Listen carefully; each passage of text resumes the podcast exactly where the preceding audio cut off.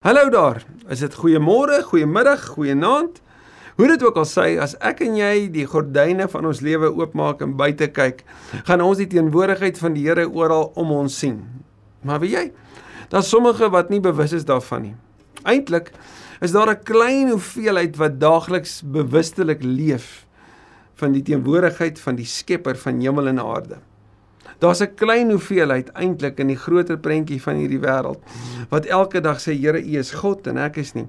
Ek aanbid U en nie myself nie. Ek wil sterf in myself en ek wil U dien. As 'n klein hoeveelheid in 'n groot wêreld. Nie die klein hoeveelheid waarin jy die, en ek deel omdat ons bely dat Jesus die Here is, is gestuur op sending. Hierdie klein hoeveelheid is 'n oorblyfsel op hierdie oomblik van ander wat dalk hulle rug ook op die Here gedraai het. Hulle word ook deel van sy storie. Dis wat Paulus sou skryf vir die gemeente in Rome. Trouwens dis wat hy geskryf het. Ons het dit in die laaste 2 weke of twee kere gesien in in hoofstuk 9 wanneer Paulus sê maar maar maar die Here skryf ook hierdie klein hoeveelheid wat oorgebly sy storie en dat die wat Jode is en wat bely dat Jesus die Here is, hulle wat glo, hulle is kinders van Abraham, net soos die ander nasies. Maar Paulus kom wys iets van God se storie te midde van hierdie Hoe sou ek dit nou mooi kon beskryf? Te midde van hierdie ongemak en onsekerheid. Die Jode wat soos Paulus in hoofstuk 9 se eerste deel geskryf het, alle harte verhard het teenoor die Here. Paulus het sê hy sal liewer homself prysgee. Hy sal liewer afgesny wees van Christus as hulle dit net wou neem. En hy skryf dit met die retrospeksie van die verlede van die farao teenoor Moses, van God se storie te midde van verharding, van ongehoorsaamheid en toegewyde gelowiges. En Paulus sê maar die Skepper van God is die een wat hulle albei geskep het en daarom iets spesonders en iets alledaags. En hoe word ek en jy 'n voorbeeld van 'n voorwerp van van iets vir vir heilige gebruik wanneer ons sê Here hier is ek. So kom ons doen dit ook nou.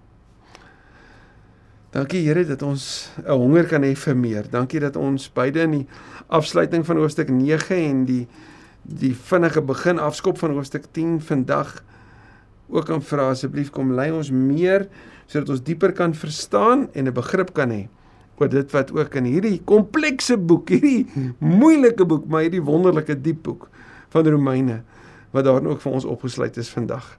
Lei ons asseblief daarin in Jesus se naam. Amen. Romeine 9 vers 30.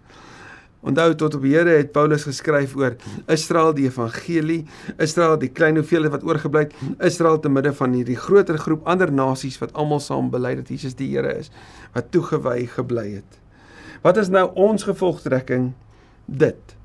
En op grond hiervan kan ek en jy eintlik die hele hoofstuk 9 lees as 'n opbou tot dit. As Paulus hierdie hierdie hierdie tipiese Griekse frase gebruik, dan kan ek en jy eintlik sê let op. Let op.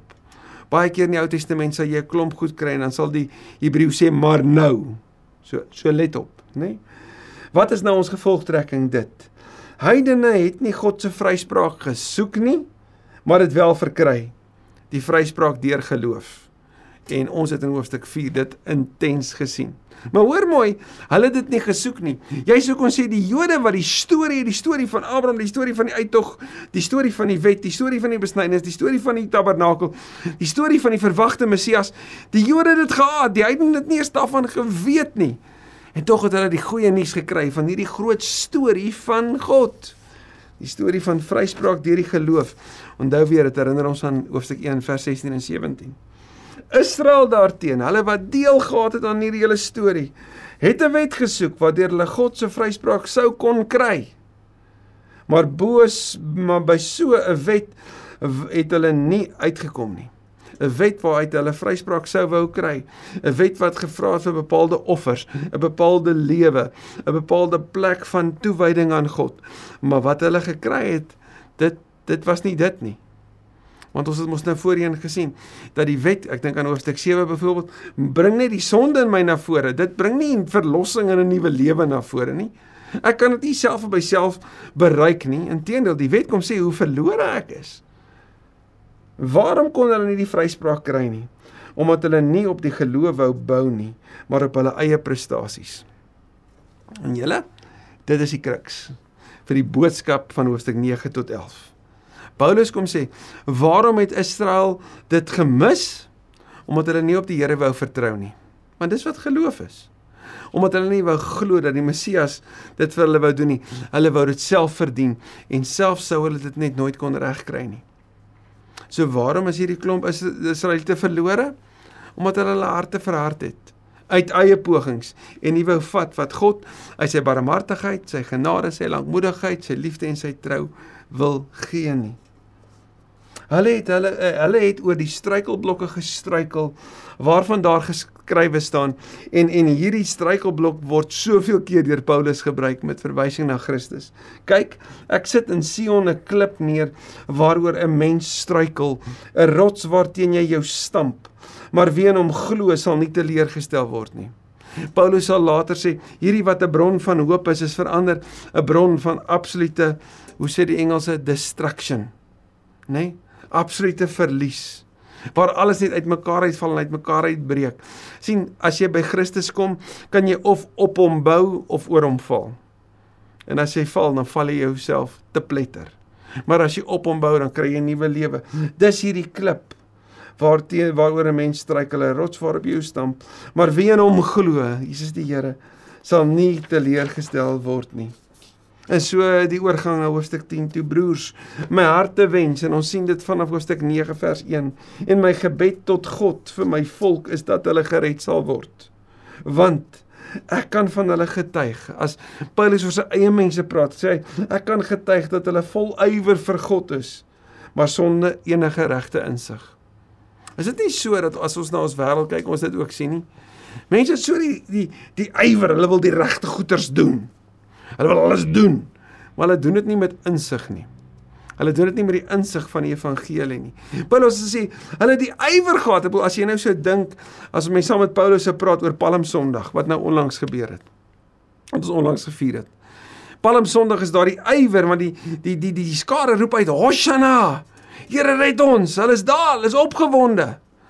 Maar het so nie die insig dat die die Here wat op die vredesdonkie inry op hierdie stad van vrede die Here is wat die die lam ter slagte is nie wat gelei word om sy lewe te gee nie dis hierdie selfe skare wat wanneer hulle nie kry wat hulle wil hê nie sal skree kruisig hom hulle het nie die regte insig nie maar hulle dink se klomp ywer gehad vers 3 van hoofstuk 10.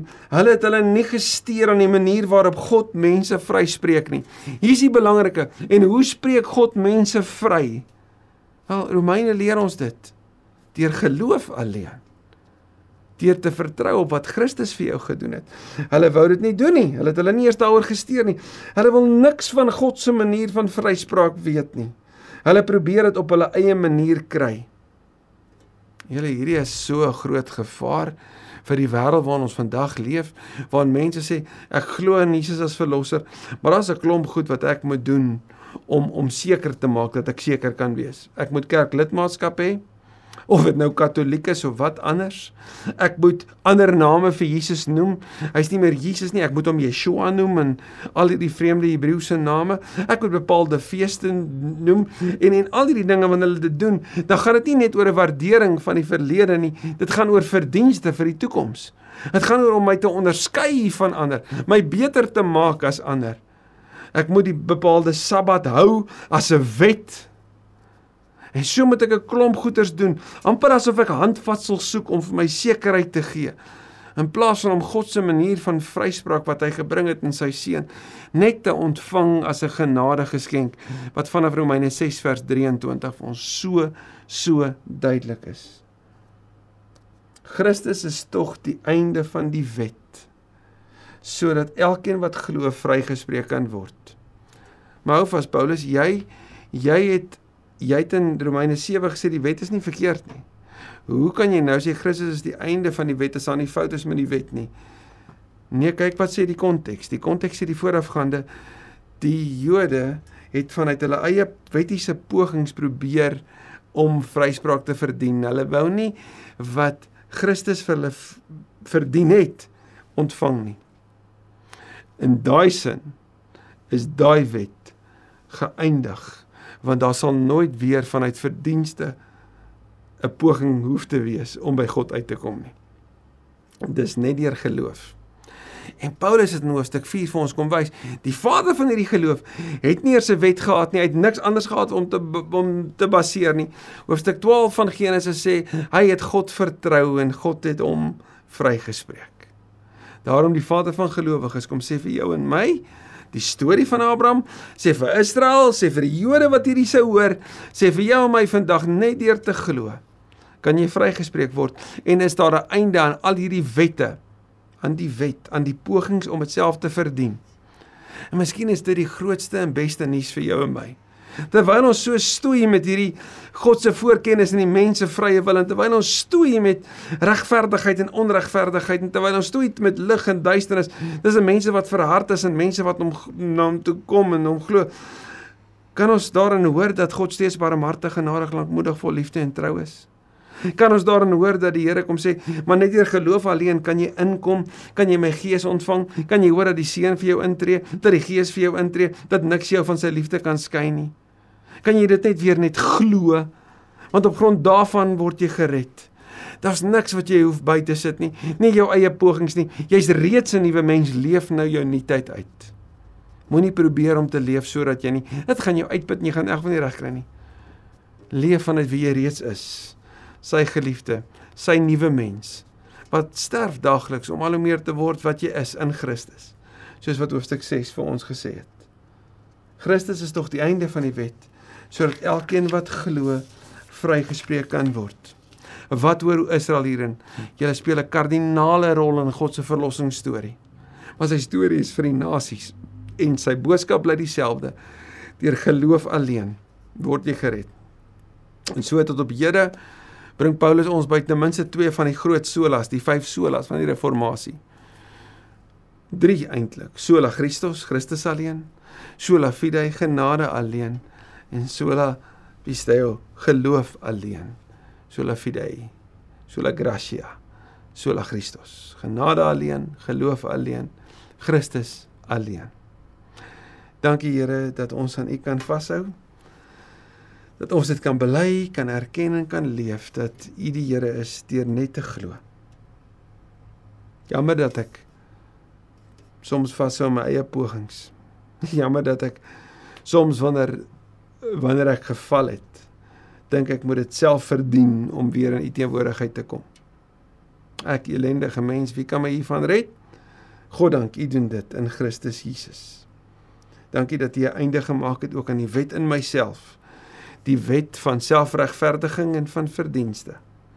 Die wet wat sê ek is goed genoeg en ander is nie of ek is nie goed genoeg nie en ander is wel, dis verby. In Christus is ek 'n geliefde. Help my om daaruit te leef in Jesus se naam. Amen. Amen. Dankie vir jou saamreis.